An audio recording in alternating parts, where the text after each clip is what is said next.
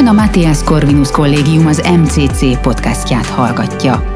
Tudjon meg rólunk többet az mcc.hu honlapunkon, Facebook, Instagram és Twitter csatornáinkon, valamint olvassa professzoraink, külső szerzőink és diákjaink írásait korvinák.hu tudásbázisunkon. Ismét itt vagyunk a, az MCC podcastban. Mostani vendégünk a a Matthias Corvinus Kollégium középiskolás programjából érkezett hozzánk, illetve több felől is, de többek között most ebben a sapkájában fogunk vele beszélgetni. Kövér Lászlót köszöntöm a stúdióban, köszönjük szépen, hogy itt vagy velünk. Nagy szeretettel köszöntöm a kedves hallgatóságot, középiskolás diákokat, szüleiket és minden kedves érdeklődőt. És amellett, hogy a, nemrég csatlakoztál a középiskolás programunkhoz, és az úgynevezett környezet és természet modulnak vagy illetve leszel a, a vezetője, illetve némileg ennek a kidolgozója is. Ennek megfelelően természetvédelmi mérnöki végzettséggel rendelkezel, vadgazdamérnöki, eh, hasonló témában PhD-n is vagy, ha jól tudom, de, de nyugodtan javíts ki, illetve ennek ebből rögtön átugorva át is dobnám a, a labdát, hogy mesélj egy kicsit magadról, hogy milyen háttérből jössz, pontosan mi az, ami megfogott téged ebben az MCC-s lehetőségben, amikor leigazoltál, leigazoltál hozzánk, vagy, vagy hagytad, hogy leigazoljunk, és mit fed pontosan itt a munkád? Debrecenből érkeztem. A Debreceni Egyetemnek a mezőgazdasági karán folytattam tanulmányokat. Ahogy említette, természetvédelmi mérnöki szakot, vadgazdamérnöki szakot végeztem el, ezzel párhuzamosan én szerintem fontos megjegyeznem, mert nagyon nagy szívügyem, hogy külföldi tanulmányokat is tudtam folytatni különböző ösztöndi lehetőségeknek köszönhetően. Egy fél évet a hollandiai Wageningeni Egyetemen, illetve egy fél évet a Bécsi Agrártudományi Egyetemen hallgattam le. Ezek mellett kutatói ösztöndíjjel van német kapcsolatom, illetve volt egy-két nagyon jó magyar ösztöndíj is, amelyel igazából az egész világot sikerült bejárni néhány hasonszőrű hallgató társammal, tehát itt tényleg képzeljétek el, Alaszkától kezdve Brazílián, Kínán át, Japánig bezárólag nagyon sok helyen jártunk, és ez, ezek az utazások azért nagyban formálták a személyiségemet, illetve magát a világról vallott hitemet, kultúrákba, különböző környezeti problémákba, illetve egyéb tényezőkbe volt lehetőségem így belelátni, és én kétszer örültem, amikor mindig elutazok, meg amikor mindig hazatérek, higgyétek el, hogy Magyarország egy fantasztikus hely, tele környezeti, meg különösen természeti értékekkel, és, és ezeknek az utazásoknak köszönhetően úgy gondolom, hogy jobban értékelem az itteni létet. Hát nagyon örülök, hogy így rögtön belevágtál a közepébe, és tényleg egy kicsit átfogóan is megismerhettünk, nem csak azt, pontosan mit is csináltál, hanem ezek mentén talán kicsit azt is, hogy mik a te mozgatórugóid vagy motivációid az életben, meg ez nyilván össze lehet kötni azzal, hogy mi az, amivel itt az MCC kötelékében is foglalkozol. Még egy dolog, amikor a, az önéletrajzodat nézegettem, feltűnt, hogy városi vadgazdálkodó vagy. Mondom őszintén, hogy én ezzel a szó összetétellel így még soha nem találkoztam, ez biztos, hogy az én szegénységi bizonyítványom, viszont nagyon izgalmasan hangzik, ez mi, micsoda pontosan, mit csinál egy városi vadgazdálkodó? Én úgy gondolom, hogy ez nem a szegénységi bizonyítványod, ugyanis azt kell látni, hogy városi vadgazdálkodás ez egy meglehetősen új elnevezés. Az Urban Wildlife Managerből lett ez a magyarra átültetve, hogyha ezt az angol szót kezdjük el elemezni, akkor biztos uh, uh, láttak már a hallgatók olyan ilyen dokumentumfilmeket, amikor Ausztráliában, Amerikában anakondákkal, meg különböző uh, szörnyekkel, medvékkel, egyéb más állatokkal küzdenek különböző rangerök, meg ilyen urban wildlife managerek. Mondjuk ahhoz elég erdélyig is mennünk, hogyha egy jó kis medvés. Így van. Elég erdélyig is menni, meg elég a fővárosban maradni, vagy akár itt a civis városban, ugyanis azt kell rólam még tudni, hogy a doktori témám az a város ökológián belül egy bizonyos faj, a varjúfélék, azon belül is a dolmányos varjúnak a városi ökológiájáról szólt, illetve szól, jelenleg is a kutatási érdeklődésemben van mindez. A dolmányos varjú Magyarországon egy vadászható faj, amely 20-30-40 éve sikeresen költözött be nagyobb városainkba, Itt zárójelben hozzátenném, hogy ezek nem azok a varjak, amelyekről lehet hallani a híradásokban, hogy milyen nagy galibát okoznak a különböző önkormányzatoknak, mert az a vetési varjú. A kettő között az a különbség, hogy talán ez az utóbbi még nagyobb problémát jelent, hiszen egy védett fajról van szó, tehát bármikor bármit vele nem lehet csinálni. Szemben a dolmányos varjúval, ahol megvannak az eszközök az ellene való hát, védekezésnek. Milyen probléma van a dolmányos varjúval? Azok mellett mondjuk, hogy kifosztják az énekes madaraknak a fiókáit, tojásait itt a vaszi időszakban, fészkelési időszakban, tényleg közvetlen problémákat is felvetnek az embernek, méghozzá költési időszakban, hogy kirepülnek a fiókák, hát ők sokszor már agresszíven, mint Hitchcock filmében lépnek fel az arra járókelők, vagy éppen azok kisállataival szemben. Ezek mellett lokális probléma lehet, hogy különböző épületekben is kárt tehetnek, szóval szertágazó a dolog. Visszatérve, Péter, a városi vadgazdálkodásra, tehát a városi vadgazdálkodás az nem más, mint különböző ember-állat konfliktusok, és azoknak a kutatása, illetve a megoldási javaslatainak a kidolgozása, hát értelemszerűen városi környezeten belül. Itt beszélhetünk vadászható fajokról, lásd, mondok más példát, maradjunk Budapestnél, a paddisznó már azt lehet mondani, Budán egy teljesen urbanizálódott faj, kondákba járnak, illetve bújnak meg különböző elhagyatott villáknak a parkjaiba, illetve hát lehet gondolni akár a nyestre, amely előszeretettel elrágja az autóknak a kábeleit, de a parlagi galamboktól kezdve sok mindenre, illetve védett fajokra is természetesen, mint például mondjuk, mondok egy példát, sirályok.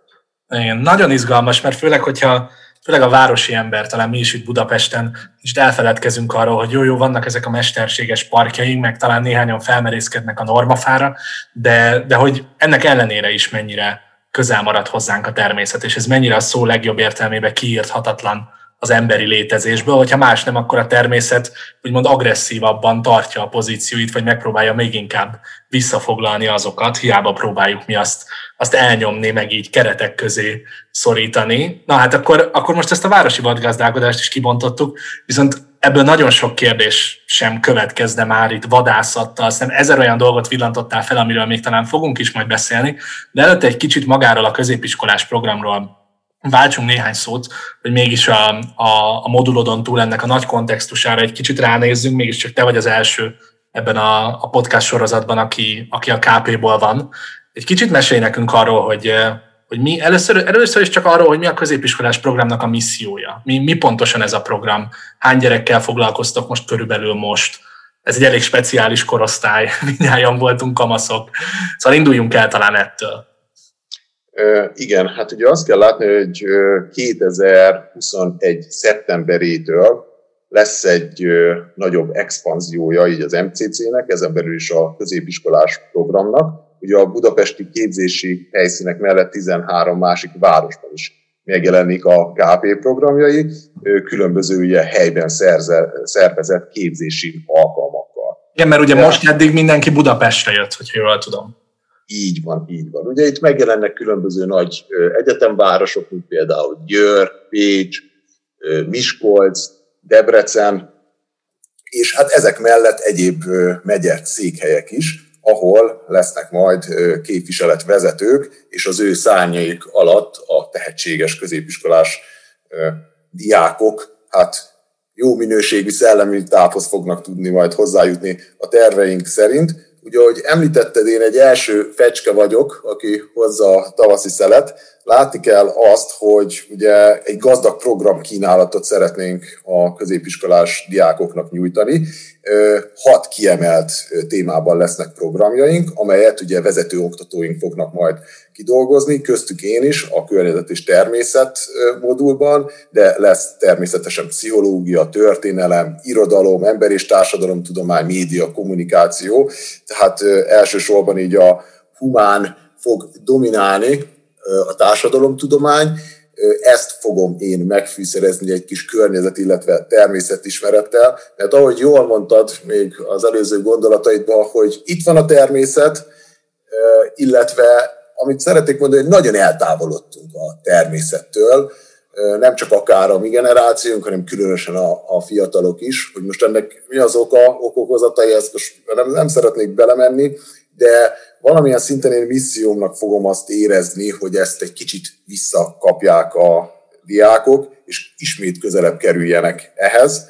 Hogy ezt miképpen szeretném elérni? Hát egyrészt ugye lesz majd részemről is, ugyanúgy, mint a másik öt kolléga részéről is különböző tananyagfejlesztések, tehát lehet itt gondolni e-learning anyagokra, különböző ilyen oktató videóknak a megjelenésére.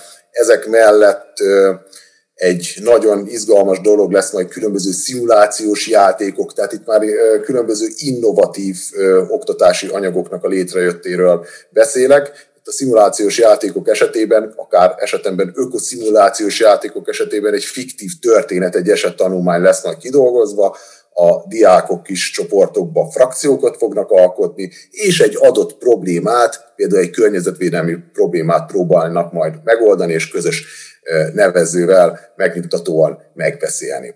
De ezek ha, mellett... És ha más nem, bocsánat, hogy a, a szabadba vágok csak, mert a, a szimulációra rögtön ez jutott eszembe, hogy talán pont a te modulodra, hogyha környezetről, meg természetről beszélünk, nagyon fontos, hogy ez a közvetlen kapcsolat valahogy létrejöjjön a, a, a diákok, meg, meg a, úgymond a tárgyalt tananyag, vagy a tananyag tárgya ebben az esetben a természet között, és ezt csak félig mondom viccesen, hogyha a más nem kirándulni mindenki szeret, de, de az itt talán többszörösen is igaz, hogy azt tudjuk igazán szeretni, amit ismerünk. És én például cserkész voltam, nem egyedül vagyok így ebben az országban, de talán többek nevében mondhatom, hogy, hogy pusztán az, hogy a természetben lehettem városi gyerekként, mondjuk Budapesten felnőve, ez önmagában adott egy, adott egy tudatosságot, kamaszként is, független attól, hogy közben az ember merre csalinkázott az életében. A, az említett ilyen szimulációs, meg, meg környezettudatossági foglalkozásokon túl, te hogyan tervezed a modulba, nyilván, hogyha itt túl vagyunk a koronavíruson, stb. stb. ezt a, ezt a megszerettetést, vagy ezt a közelhozást elvinni akár a, akár a városi gyerekekhez. Tehát milyen olyan projektekben, vagy akár kirándulásokban, bármilyen tevékenységben lehet konkrétan ehhez a korosztályhoz szerinted a legjobban közelhozni a környezetvédelem, vagy a természet szeretetének egyáltalán a, a témáját? Így van. Nagyon jó gondolat, amit mondtál, hogy csak azt lehet szeretni, amit ismerünk. Én tovább vinnám ezt a gondolatot azzal, hogy ugye csak azt szeretünk, amit megismerünk, és csak azt ért tudunk felelősséget vállalni, és csak azt tudunk védeni, amit szeretünk. Tehát itt én betennék egy ilyen harmadik lábat is ebbe a történetbe. Egyéb iránt igen. Tehát azok mellett, hogy lesznek plenáris előadások, különböző műhelymunkák, nagyon-nagyon fontos lesz az, hogy komplex szemléletet próbálunk majd a diákoknak átadni, közérthető módon, ismeretterjesztő módon. Rám jellemző az, hogy élményoktatást próbálok folytatni, ugye pedagógiai nyelvezettel megfűszerezve. Azok mellett, hogy kapnak egy ilyen jellegű tudást, ismeretet, mindenféleképpen a terep, tehát az, hogy kivigyük őket, elvigyük őket majd akár tanulmányútra, terve van mindezek, és akkor ott tudják szagolni, megkóstolni, tapintani, tényleg a bőrünkön tapasztalni azt az adott környezetet, azt az adott problémát.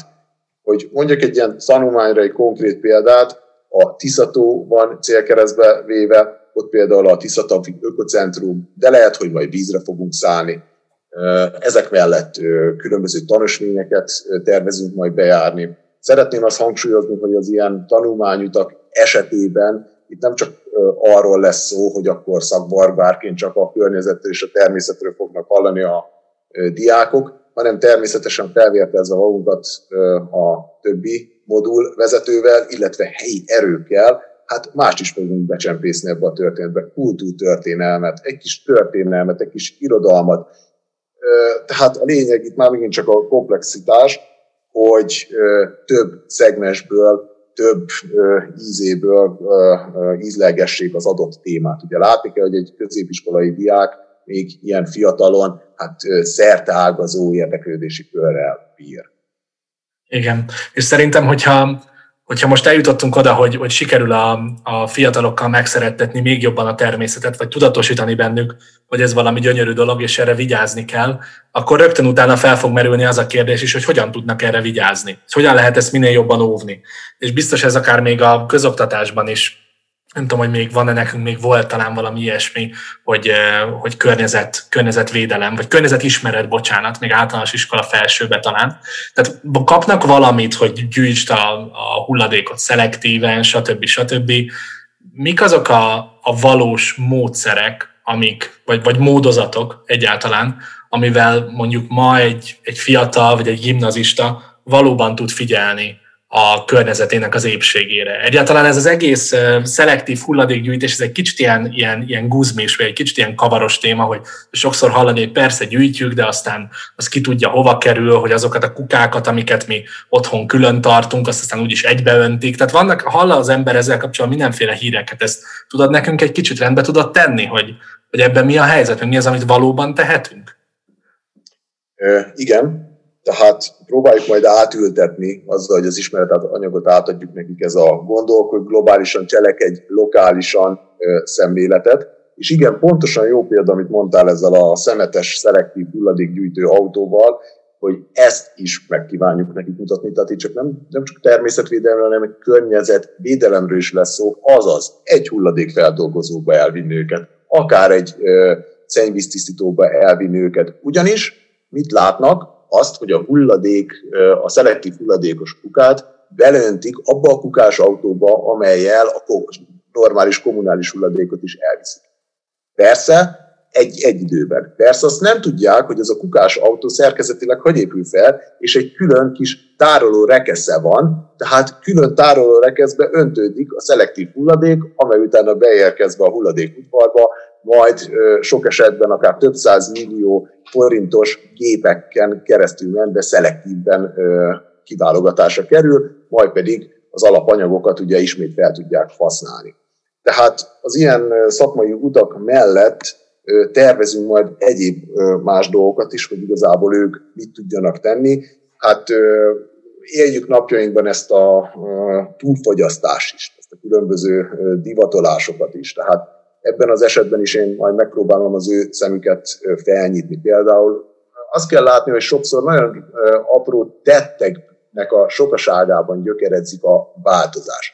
Mire gondolok? Mondjuk, hogy elmegyünk egy egyszerű élelmiszerboltba, kifli zsemlét, vagy akár zöldségeket tenni, akkor ne az egyszer használatos műanyag zacskóba tegyék mindezt, hanem mondjuk régi függönyből vagy anyagból vágott kis tatyóba téve ezt, már mi individualista személy szinten tudunk tenni egy apró dolgot. És a sok apróság pedig összeadódik. Lássuk például a méheknek a munkáját, hogy a nektárból hogy lesz akár kaptáronként több tíz kiló méz. És biztos, hogy ezek az akár apró tettek is sokat tudnak segíteni. Én most kicsit utána mentem itt a statisztikáknak, hogy, hogy meglássam, hogy, hogy vagy, vagy pontosan kicsit többet tudjak arról, hogy, hogy mikről is beszélünk. Ez egy, ez egy viszonylag friss statisztika, most már a világról beszélünk, meg általánosabb, egy általánosabb globális helyzetről. Évente 2, körülbelül 2,1 milliárd tonna kommunális hulladékot termelünk. Ezt szépen átfordította a cikkiló 822 ezer olimpiai úszoda méretére, és ennek jelenleg körülbelül a 16 át hasznosítják újra, és majd a felét pedig nem fenntartható módon tüntetik el. Ha az ember elolvassa ezeket a számokat, legyen akár gimnazista vagy vagy idősebb, vagy MCC-s alkalmazott, vagy bárki, azért eléggé úgymond lekonyul a szája, hogy itt milyen számokról beszélünk, és milyen irdatlan mennyiségű, hát amit említettél, túlfogyasztásról is, meg, meg, meg felelőtlen hulladékgazdálkodásról. Hova haladnak ezek a trendek? Ezek a számok globálisan tényleg brutálisan rosszak, nyilván lehetne sokkal jobb, de hogy, hogy hogy állunk most ebbe egyáltalán világszinten azon túl, hogy, hogy mi személyesen megpróbálunk a lehető legtöbbet megtenni. Igen, ezeket a számokat sokszor nagyon-nagyon nehéz értelmezni, vagy akár a trendeket is, hiszen sokszor azt mondják a statisztikára, hogy a statisztika az arra jó, hogy valamit úgy mutassunk be, vagy úgy fényezzünk, ahogy mi szeretnénk. Tehát itt is majd azért azon fogunk dolgozni, hogy próbáljuk ezeket a dolgokat helyre tenni, hogy mit mond az új trend. Én, én megmondom őszintén, hogy ha visszatekintek arra a szemléletre, arra az értékrendre, amit mondjuk én tinédzserként képviseltem, akkor, akkor jobb a mostani helyzet. Tehát érettebben, felelősségtudatosabban gondolkoznak már a tinédzserek, illetve a fiatalabb korosztályon. Én úgy, úgy, úgy értékelem, mint, mint a, a mi időnkben. Hát ugye akkor teljesen más volt sok minden. Úgyhogy én mindenféleképpen bizakodó vagyok, és úgymond boostolni kell mindenféleképpen a fiatalságot, hogy akkor tényleg úgy legyen ez a történet, hogy a földet majd ők is ugye kölcsön tudják adni a unokáiknak, gyerekeiknek. Beszéltünk már korábban egyébként, ahogy készültünk erre a, erre a podcastra, az új Netflixes David Attenborough filmről, ami, ami egy eléggé, én mondtam is ezt akkor neked, hogy bennem eléggé traumatikus, számomra egy eléggé traumatikus élmény volt, mert egy nagyon nyilván nagyon jó filmes eszközökkel, de nagyon radikálisan bemutatja, hogy akár ennek a majd száz éves embernek az élete elejétől mostanáig hogyan tűnnek el fajok a Földön, hogyan, hogyan tesszük tönkre gyakorlatilag a bolygót, vagy teszik tönkre nagyon sokan ezt a bolygót, még egy kisebbség pedig most már, hogy te is mondod, egyre tudatosabban igyekez, e, igyekszik vigyázni rá. E, nyilván az ilyen típusú filmek keltenek egyfajta szorongást az emberben, meg mindenféle érzéseket. Szerintem biztos talán a hallgatók közül is többen látták ezt a filmet, hogy olvasnak hasonlóakat, fiatalok, idősebbek. Hova lehet jól eltenni ezeket a, a, a filmeket, vagy hogy lehet ezeket az érzéseket jól kezelni, vagy mi az, amit az ember ezekből magával tud vinni azokra a mindennapokra, amikor tényleg tudatosabban cselekszik a környezetéért, ahelyett, hogy csak, csak szimplán elkezdene szorongani.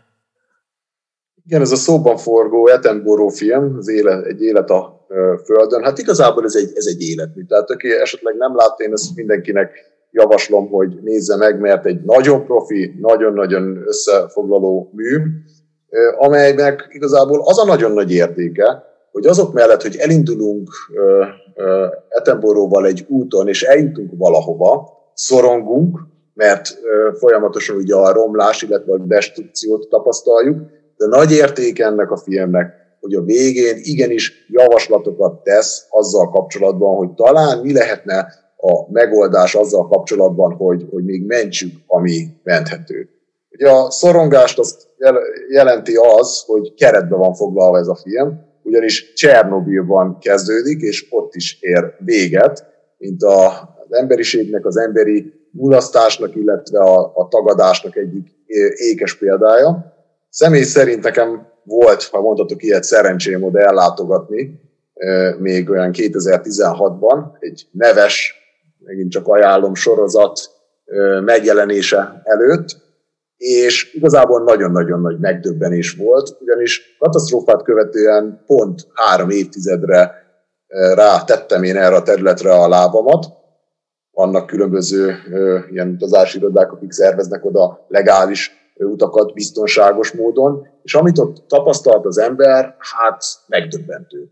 Ugye azt lehet látni, hogy a geográfusok elneveztek már egy olyan földtörténeti korszakot, hogy antropocén, jelenleg az antropocénban élünk, amelynek az a lényeg, hogy egy settintésre eltűnne minden ember a föld felszínéről, és későbbiekben olyanok érkeznének ide a gájára, a földanyára, akik foglalkoznának geográfiával, hát azok igenis mérhetnék, látnák, hogy itt bizony valami.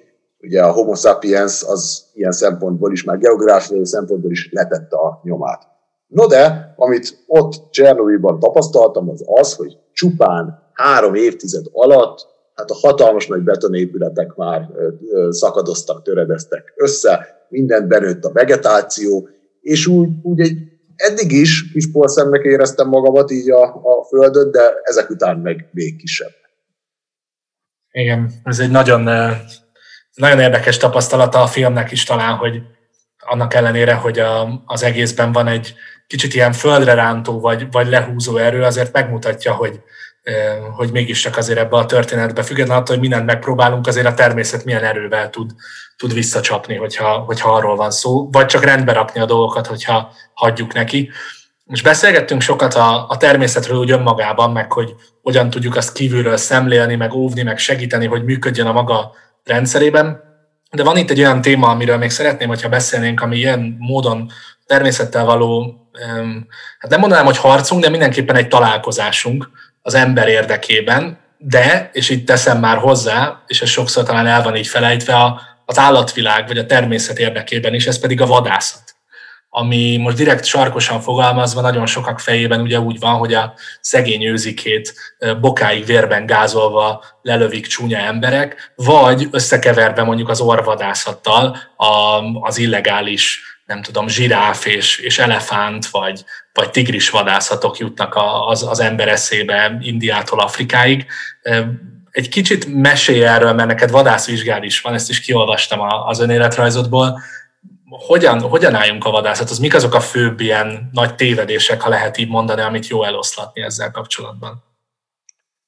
Köszönöm ezt a kérdést. Maga ez a téma, hogy vadászat, plusz azért hozzátennék egy másik fogalmat, vadgazdálkodás, illetve a vadász és a vadgazda is két különböző fogalom, tehát ez egy, ez egy nagy téma, egy nagyon aktuális téma, médiában is sokszor megjelenik, és pont ez is, hát igazából szívügyen pontosabban ennek a tiszt tisztánlátása, a megmagyarázás, hogy akkor mégis hogyan működnek ezek a dolgok Magyarországon, amelyek amíg elég iránt, egyéb iránt nagyon-nagyon jól szabályozottak, szigorúan szabályozottak, tehát ez is egy oktatási vonal, egy oktatási anyag lesz majd így a környezet és természet modulon belül, amelyet a minél több diákkal tervezek majd megosztani.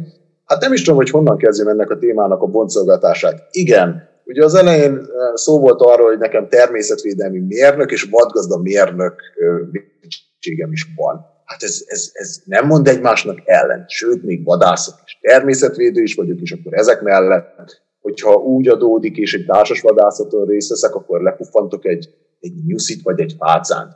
Na most azt kell látni, hogy talán kanyarodjunk vissza oda, hogy mi, mit is köszönhetünk mi emberek, emberiség adászatnak. Én szinte azt merem mondani, hogy majdnem mindent. Az, hogy mi itt beszélgetünk, ez bizony, ha nem is közvetlenül, de közvetetten egész biztosan ennek köszönhető.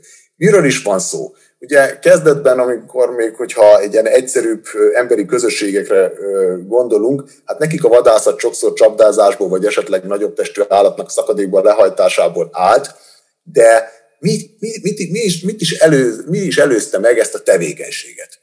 Gondoltunk barlangrajzokra. Hát magát a művészetet, a rajzot, a festészetet, a művészet is ennek köszönhető. De ezek mellett azért csak eltáncolták, eljátszották a vadászatot, hogy ugye hittek benne, hogy így nagyobb sikerrel fognak célt érni.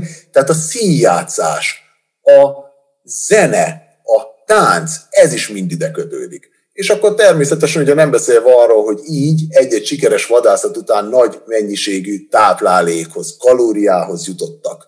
Nem beszélve arról, hogy egy ilyen állatnak nem csak a húsát, a zsírját, de a csontjait, a gereznáját, tehát a bundáját is felhasználták ruházkodásra.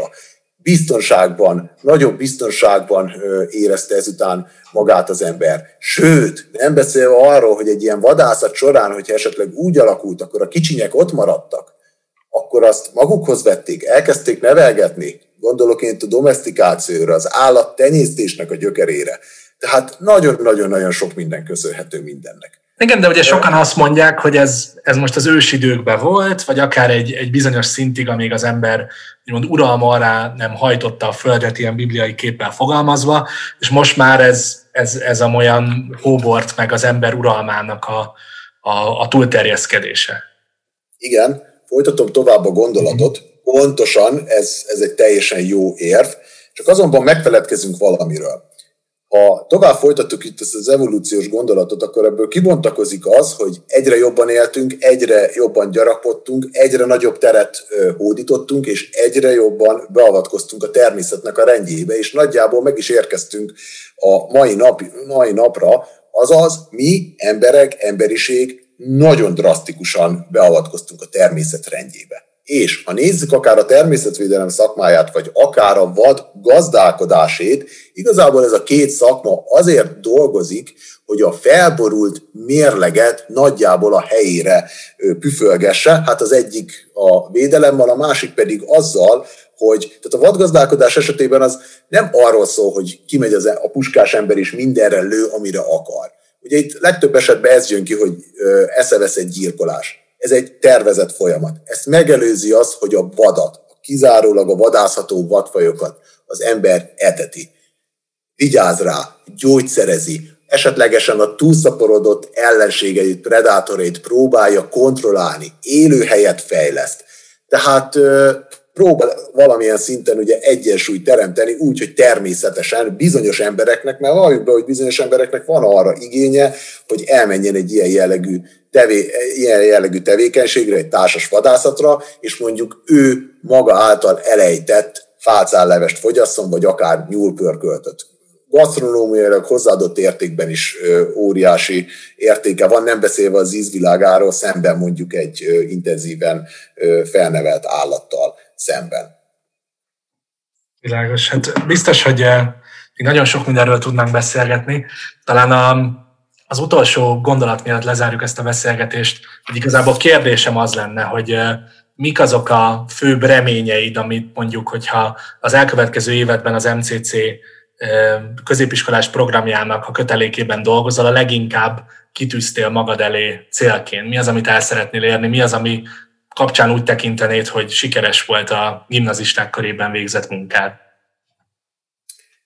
Egyrészt, amit említettem, én nagyon szeretném a természet ismeret, természet szeretet erősíteni a fejekben, már amennyire ugye ezt lehet, hiszen ugye azért a diákoknak szertág az érdeklődése, de én úgy gondolom, hogy ez a korosztály nagyon érzékeny különböző dolgokra, és itt, itt, itt van hely annak, hogy, hogy mindez változom, meg tisztábban lássanak. Hogyha mondjuk állatokra gondolok, rengeteg, ez egy külön téma lenne, beszélgetési téma, nem szeretem állatok, ugye a denevérek, vagy akár a kígyók, békák, ilyen jellegű témákról is beszélni velük, a különböző környezeti rendszereket fenyegető problémákról, a megoldási lehetőségekről. De amúgy egyéb iránt hosszú távon ugye azt kell látni, hogy ezekből a középiskolás diákokból, mint jövő munkavállalóiból, ugye akár vállalatok vezetőiként is legyenek tisztában a környezet és a természet megóvásának a szükségességével, a fontosságával, illetve ezeknek a lehetőségeivel,